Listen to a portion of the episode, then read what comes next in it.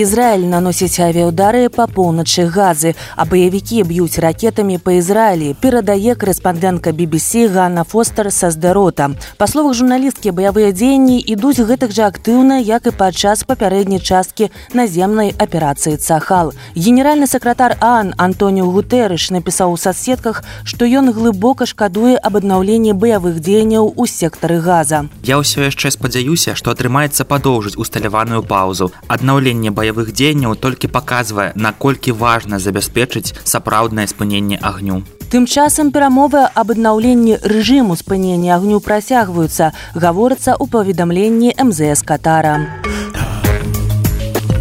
Наступ зімы азнаменаваў новую фазу расійска-украінскай вайны. Пра гэта заявіў прэзідэнт Украіны Владзімир Зяленскі, выказаўшы асцярогі, што канфлікт паміж Ізраілем і Хамас можа зацямніць украінскі. У нас нова фаза війны і це факт. Війна складна, зима в цілому це нова фаза війни. Або війна зимова вона відбувається не тільки на лінії фронту і всередині міст через велику кількість застосування ворогам дронів, через велику кількість застосування ракет, включаючи балістику тощо. Ми бачимо навіть наслідки того, що глобальне суспільство через трагедію Близького Сходу переключилось. І це факт. І не визнавати може тільки сліпий.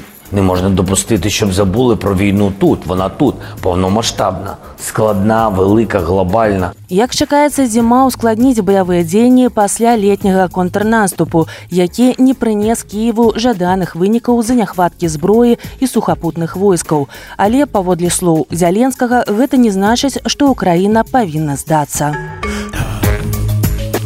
Выступаючы ў чацвер на штогадовай канферэнцыі еўрапейскага абароннага агенства старшыня еўрапейскай рады Шарль Мішель прапанаваў стварыць еўрапейскія кібервойскі, якія стануць фундаментальным кампанентам абароны Еўропы.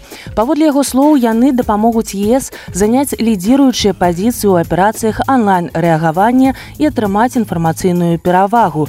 Са свайго боку старшыня еўрапейскай камісіі Урсула фонданляйн адзначыла, што падрыхтоўка да сілавых аперацый у кібер прасторы і іх правядзенне павінны знаходзіцца ў падпарадкаванні бруселя а не асобных еўрапейскіх сталіц уварванне рассіі ва ўкраіну выклікала рэзкі рост выдаткаў ес на абарону і прымусіла блок старанна прааналізаваць сваю ваенную палітыку чату GPT споўніўся адзін год. Запушчаны 30 лістапада 2022 года інструмент штучнага інтэлекту пачаў імкліва заваёўваць аўдыторыю.